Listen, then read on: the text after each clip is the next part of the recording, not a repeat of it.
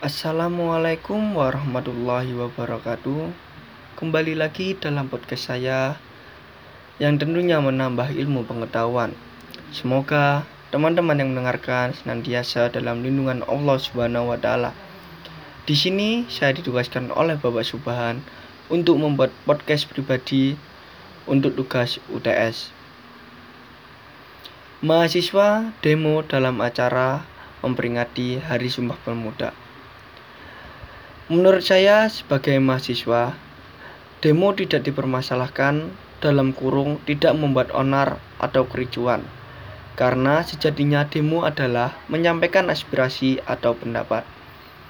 Sebagai mahasiswa, alangkah lebih baiknya juga tidak ada demo supaya tidak ada kerumunan apalagi di masa pandemi seperti ini.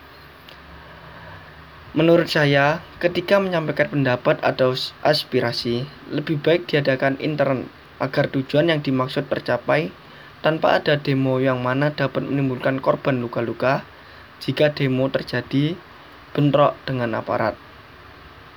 Itulah podcast dari saya. Mohon maaf bila ada salah kata.